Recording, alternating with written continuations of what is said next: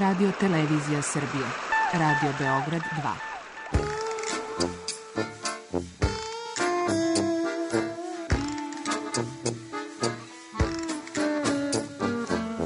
Rekli su mi, gospodine, vi ste promašili temu. Pa ja sam onda promašio život. I ne znam šta će da bude sam. Kaže, ja ne mogu više te čuvam. Šta da ti radi, kaže, snađi se kako znaš. Mi smo kao u kafesu. Za nas to je najmrtvo. To je mrtvo za nas, naročito. I ja bih želela neko da me usvoji. Da bih želela. Govori da bih te video. Program dokumentarnog zvuka.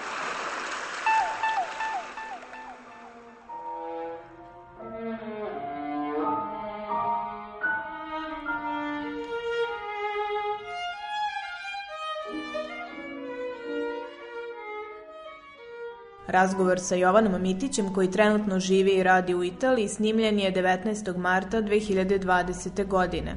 Deseti dan nakon što su u ovoj zemlji uvedene rigorozne mere kako bi se sprečilo širenje koronavirusa.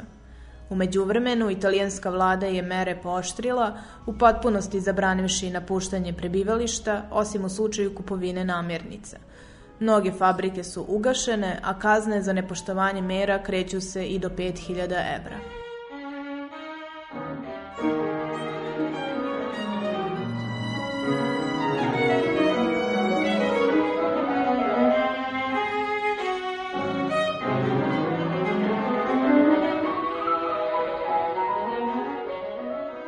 Ja se trenutno nalazim, to je živim u Lombardiji, u severnom delu Italije, na jezeru Como.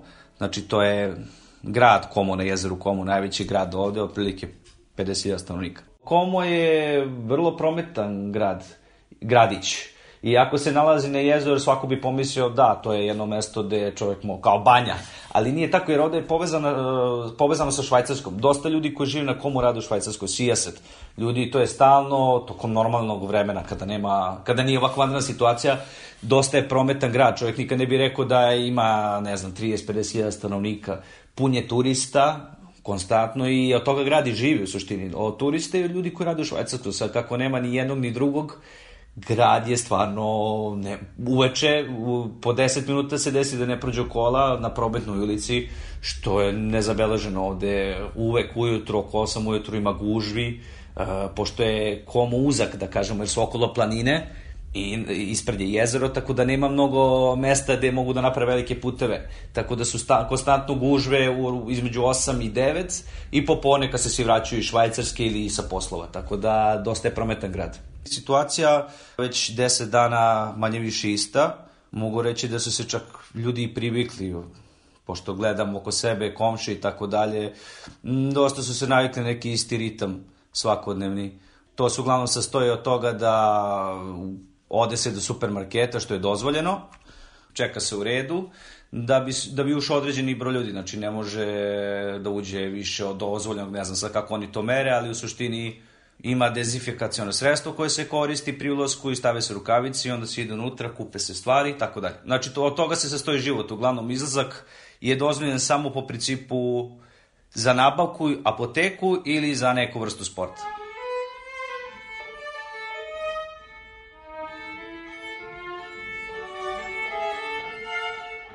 Trenutno radim u restoranu i u stvari to mi je finansijska, da kažemo, pomoć i izvor zarade koji mi pomaže pri mojim studijama i pošto sam ja muzičar po profesiji, tako da trenutno sam na raspustu, što bi se reklo, mislim, na prinudnom odmoru jer jel te restorani, barovi i svi ti poslovi e, zanimanja koja nisu primarna su trenutno na primarnom odmoru. Naravno, dosta ljudi, sjesit ljudi radi u, u industriji ili u medicini, tako da u nekim osnovnim granama bez kojih ne mogu da funkcioniše država, ljudi rade normalno, pogotovo po bolnicama i tako dalje.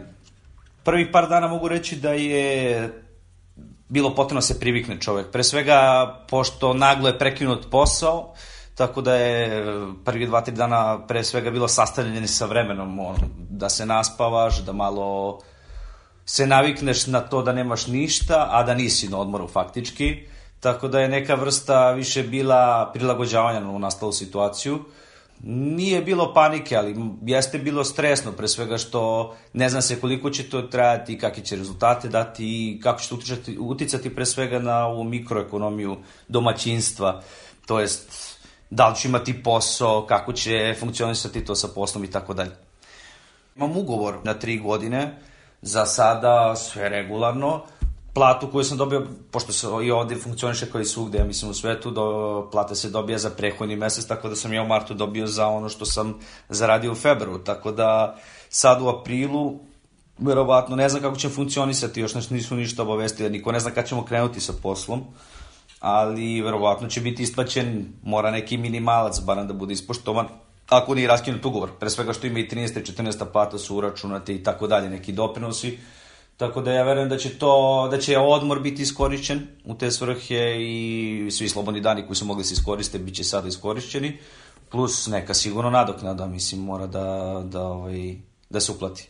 Moram to isto napomenuti, dosta 60 ljudi ovde koji su pre svega u mojoj profesiji, znači muzičari. Ja sam freelancer bio do skora, hvala Bogu, pa sam odlučio da se bavim nečim konkretnim kako bi imao sigurni priliv zarade. I evo sad kad je došlo ovo vreme, tačno se vidi ta razlika između ugovora, onoga ko je na ugovoru zvaničnom i onoga ko radi na ili ugovor po konceptu ili ne znam po mesecu, ne znam sad u osnovnim profesijama kako to funkcioniše, ali dosta su ljudi u problemu. Znam dosta ljudi, pošto sam ja na granici ovde sa Švajcarskom, na dosta ljudi pre svega radi privatne časove u Švajcarskoj ili ne znam, radi neke sezonske poslove i oni su uglavnom sada, pošto je Švajcarska zatvorena, kao i Italija, u velikom problemu jer e, nemaju nikakav doprinos, nemaju nikakvo isplaćivanje, tako da ne znam, 60 ljudi razmišlja da izađe iz stanova.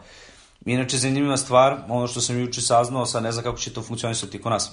Kad da dolazi ovaka vadena situacija, svaka osoba koja iznajmljuje stan ima pravo da taj mesec ne plati, to je kasnije da ga plati.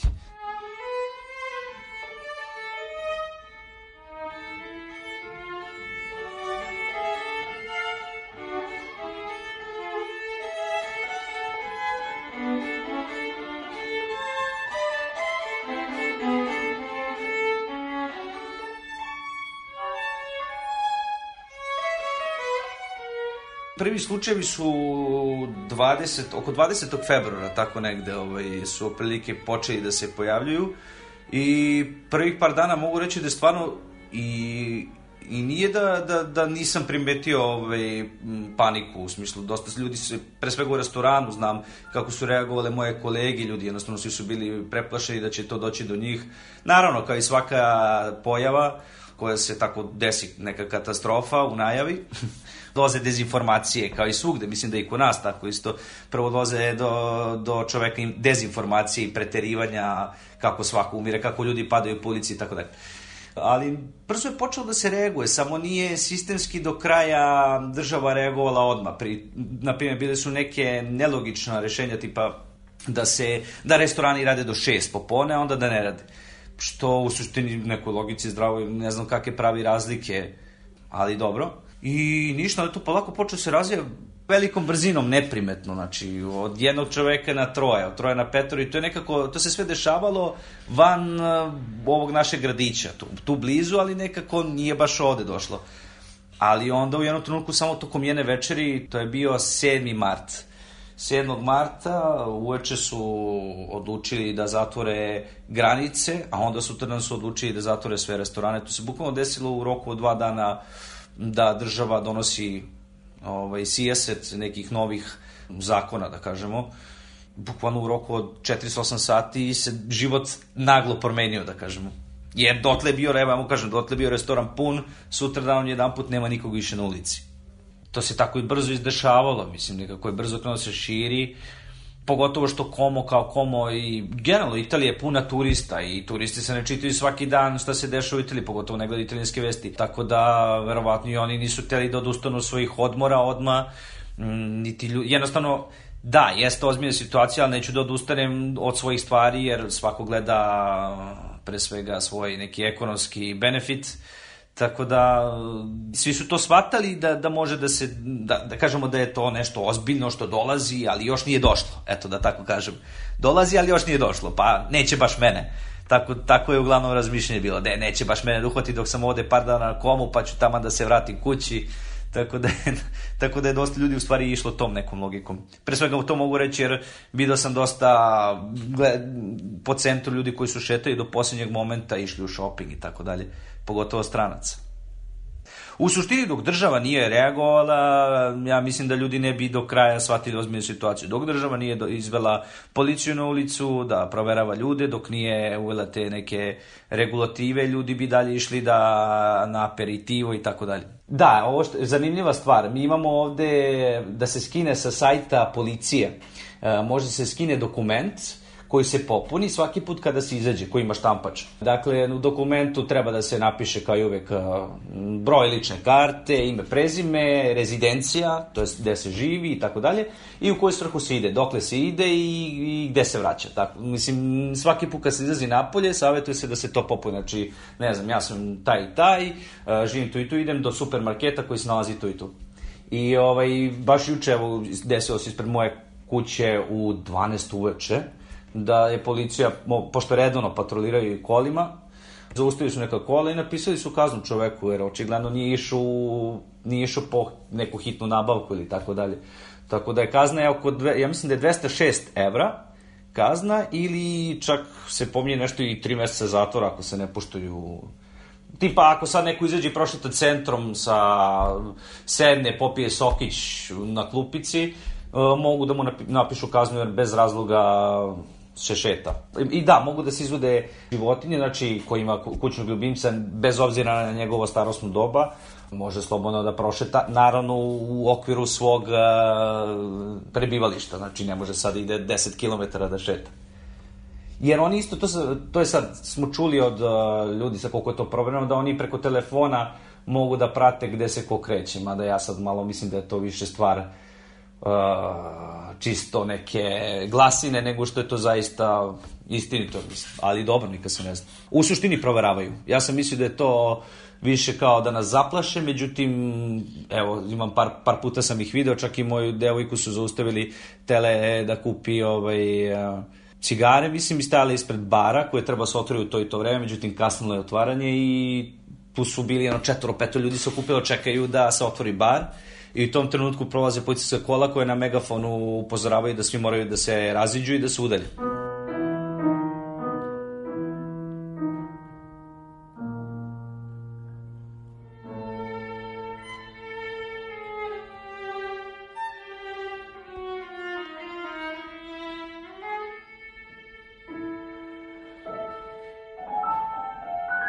Čak u vreme dok su savetovali da se ljudi drže kući, znači prvo je bilo neki savet, nisu bile ovaj, regulative, da, se, da ljudi ostaju kući, da ne izlaze bez potrebe toliko, vrvelo ljudi, znači i to bukvalno 50 ljudi na 10 metara, da kažemo tako, neko ko je bilo. Kada su došli prvi snimci, pre svega iz bolnica, kako mm, ljudi zaista umiru i kako je puno ovaj, ljudi na respiratorima i tako dalje, u stvari je krenulo ta neke ozbiljne situacije. Ali to se nekako u isto vreme desilo upravo sa tim nekim ovaj, regulativama, mogu reći. Nekako se sve u roku od 400 sati naglo promenilo, ceo taj momenta to, neće to mene do momenta, ljudi, mi moramo da budemo ozbiljni svi, da shvatimo ozbiljnu situaciju. I ljudi su shvatili napokon da to stvarno nije šala, pogotovo kad vidite snimke iz bolnice kako ljudi po hodnicima uh, su priključeni na aparate, nije prijatno videti to uopšte. I onda se čuju ambulantna kola koje prolaze konstantno kroz grad, mislim, nije svakih 10 minuta prođe neka, neka hitna pomoć, mislim, sad ne znam da li je to baš zbog toga, ali ovaj, sigurno da sa tim prvim snicima ljudi su shvatili ozbiljnu situacije, donekle. Gde može najviše da se vidi neka vrsta stresa ili panike, da kažemo, je kad se ide u market. Nekako je neprijatna situacija, čeka se u redu, i vidim da je svako nervozan u tom smislu da se ne zarazi i tako dalje. Tačno se oseti ta neki odnos, ne, neko se zakašlje, svi se okrenu, svi se okreću, udaljavaju se, pogotovo i za mene jedna žena je krenula, zakašljala se žena, mi smo svi krenuli da se udaljavamo onako jedni od drugih. Tako da, bukvalno ispred marketa može da se oseti već taj mali stres, da kažemo, među ljudima.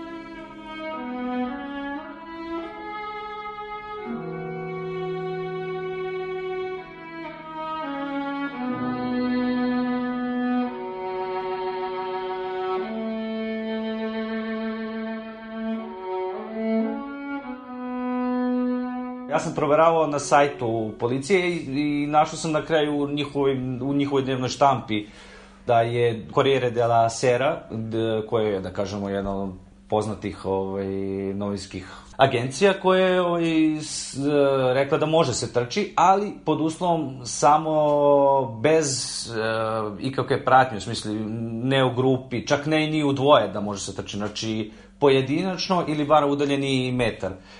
Sad, neko kaže ne može, neko kaže može, mada smo mi, pošto imamo ovde obližnje brdo, planinu, da kažemo, koja je na 800 metara nadmorske visine, mi svaki drugi dan popodne m, idemo da se penjemo, jer to je jedini način da se upije malo sunca da, se, i da se ovaj, protegnu noge, malo da se odradi sport, jer da trčim opet kod, kroz grad ne mogu, niti želim da rizikujem, a ovako barem se udaljim u šumi. Ima dosta ljudi koji to rade, mislim, baš smo primetili da ima dosta, mada ima dosta ljudi koji zlopotrebljavaju, naravno, svaku moguću opciju, te, ne znam, na sredini brda, nekih 500 metara nadmorske visine, to je planine. Ima dosta ljudi koji se okupe tako, da pivskaju pivce ili, ili ovaj, prošetaju kerove pa se okupe i pričaju. Mislim, što u suštini nije dobro, jer da, kad ih budu pronašli, onda će sve nas da kazne zato što ne poštuje se do kraja. Jednostavno ljudi vada ne shvate ozbiljno. A što se tiče discipline, teo bih da kažem da i ovde manje više na početku nisu ljudi toliko razumeli, dok nisu videli u stvari kažnjavanje, to je nekako najefikasniji način da se ljudi upozori, jeste da vide policijska kola koji zaista zaustavljaju nekoga, te onda shvate da situacija zaista nije naivna i mislim da je to s jedne strane možda i najbolji način da se pokaže ozbiljno situacije, to je da se pojave uniformisana lica koji zaista patroliraju i po meni, ok, vero, i ovde nije da odma napišu verovatno kaznu, neki put i opomenu, kao što su moje devojko opomenuli, znači na megafonu pomenu, udaljite se jedni drugih, a sledeći put verovatno stiže i kazna. Tako da ljudi su na osnovu tog principa sile, ovaj, da kažemo, naučili da, da se ponašaju disciplinovano donekle. Mada ima izuzetaka, naravno, kao i svugde. Kažem, to što sam ja video da u određenim momentima gore na planini kad se penjem ima ljudi koji se okupljaju, to je znak da ima ljudi koji stvarno da li ne razumeju ili, ili smatraju da to neće njih dohvatiti ili da oni jednostavno ako su, su u prirodi kakve to veze ima. Ja gledam da i kad trčim i kad radim neki sport da uglavnom ispuštujem sve što se kaže i zaista nema problema u tom smislu. Čak su razmišljali, čak sam čitao danas da se razmišlja da za vikend još poštre mere. Ja se nadam da toga neće doći ne, ne znam šta više mogu da pooštru u suštini. Jedino da se ne radi sport, da se ne radi, ne znam, još par nekih stvačica, ali i, i nema nekih drugih stvari koje mogu da uvedu.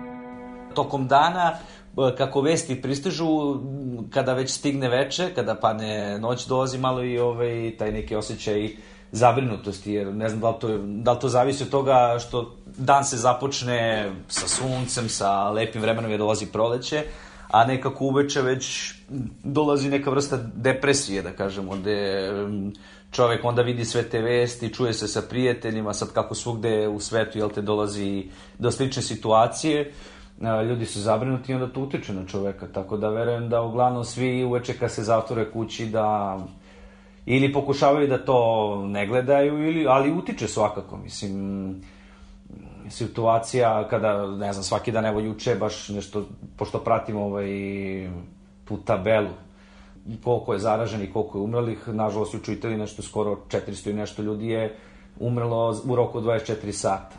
Tako da, i kada se vidi broj zaraženih, to stalno raste, Ovaj, naravno da smo zabrinuti. Pre svega, nije samo stvar više ni, ni toga, ni virusa, nego makro i mikroekonomija.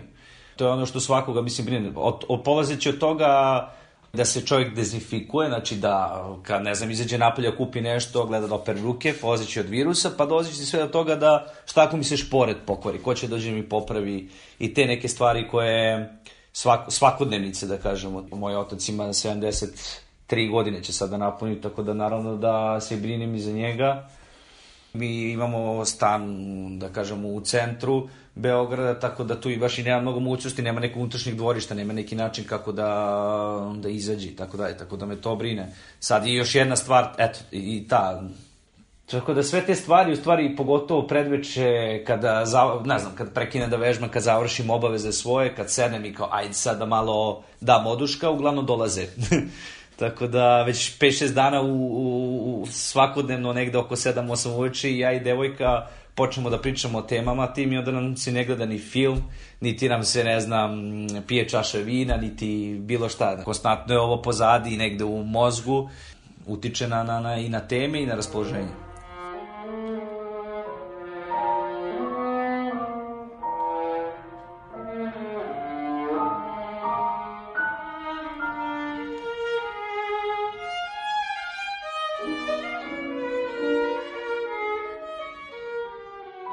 Jako je bitno da čovek iskoristi ove dane da radi nešto. Ja sam, hvala Bogu, muzičar, pa uvek ima šta da se vežba, uvek ima šta da se radi. Na instrumentu te koristim ove dane da radim na sebi.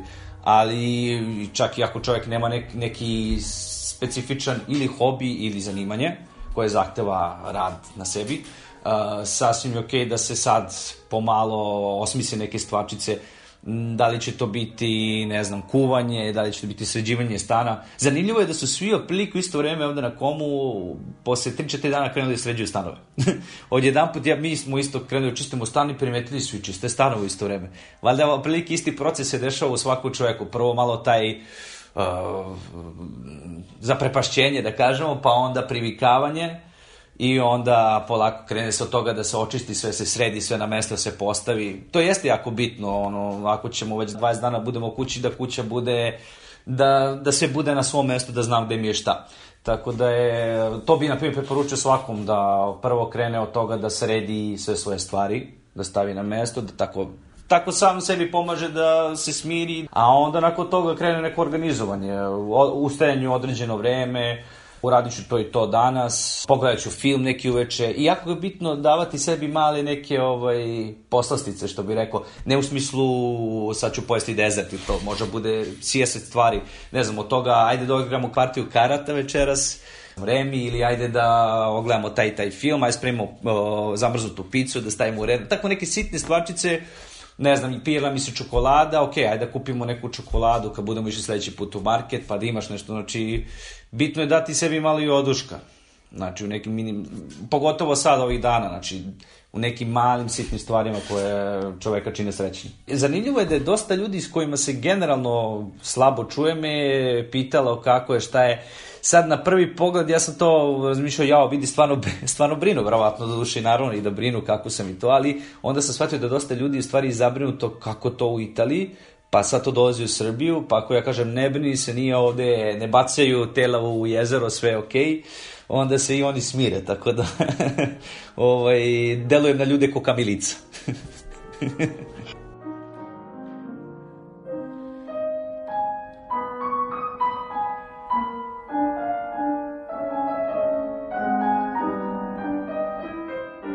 što se tiče nabavke, ima svega. Znači, nije stvarno, nisam imao utisak. Bio je jedan dan kad je malo bio prazni market, ništa, niko ne preteruje. Ne mi da ljudi, mislim da, da s te strane, ovde barem to funkcioniše, da ljudi ne preteruju. Ono, ja nisam video da neko nosi džak, mislim džak, ovaj, kesu toalet papira ili ne znam, nešto da preteruju nečemu. Svega ima, mogu reći, ono, od mesa do povrća, voća i tako dalje. Tako da, s te strane zaista ne mogu da kažem da je, da je loše. Ja sam se brinuo, naravno, ako je svako normalno na početku, ja sam čak i rekao devojci dok sam radio, možda da kupimo suve hrane, da imamo test, ovaj, testenine i da imamo tunjevine. To može traje u konzervi, to da kupimo, ono, par komada, ništa sada da preterujemo, pa da vidimo kako će to da se razvije. Mada, mislim, u ovom modernom dobu ne bi trebalo dođe od toga da nečega fali toliko. Tako da, ne, mislim, ne treba ljudi ni da preteruju sada u toj panici. Ipak živimo u modernom vremenu gde svako može da se oglasi ili uvijek će biti nečega. Ne verujem da je baš, da smo došli opet u to neko vreme da nema nečega. Tako da, s te strane, mislim, to savjetujem ljudima da previše se ne opterećuju time da računaju sebi nabavku nedeljno, znači jednom u nedelji da odu da kupe stvari, to savjetuju ode, da se ode jednom nedeljno, ne više u supermarket, i da se kupe određene potrebštine, ali ničemu da se preteruje.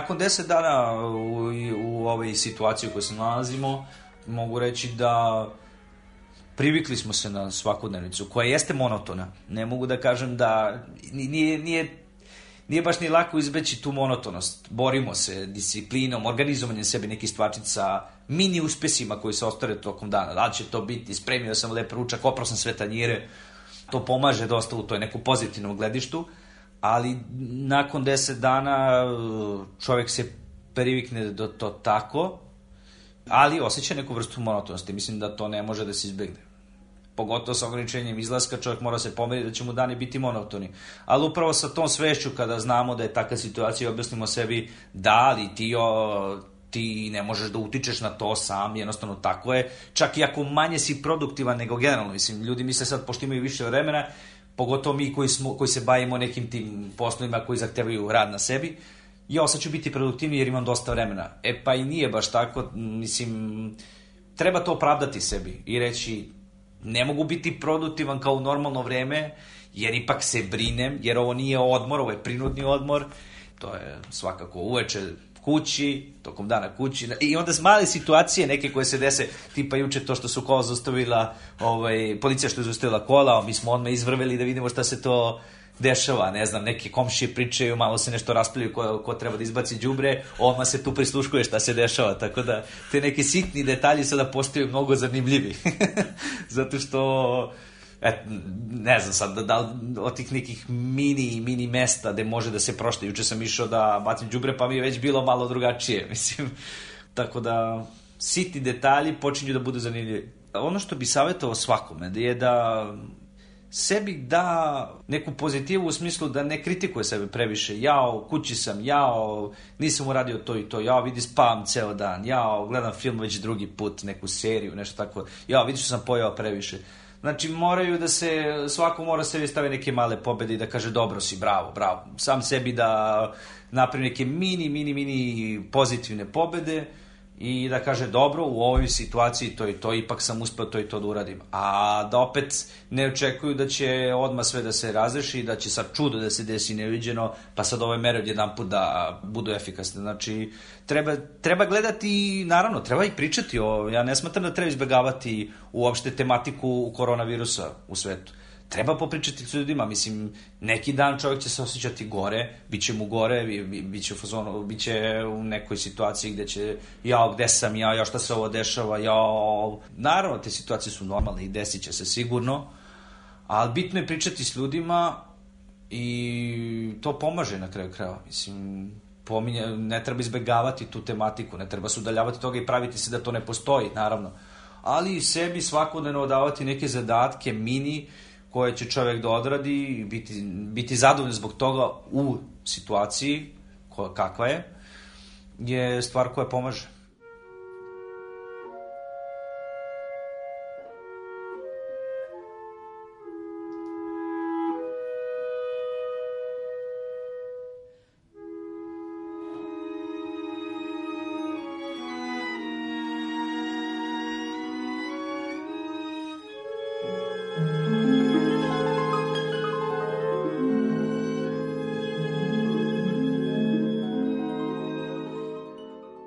U reportaži govorio je Jovan Mitić, autor Milena Radić.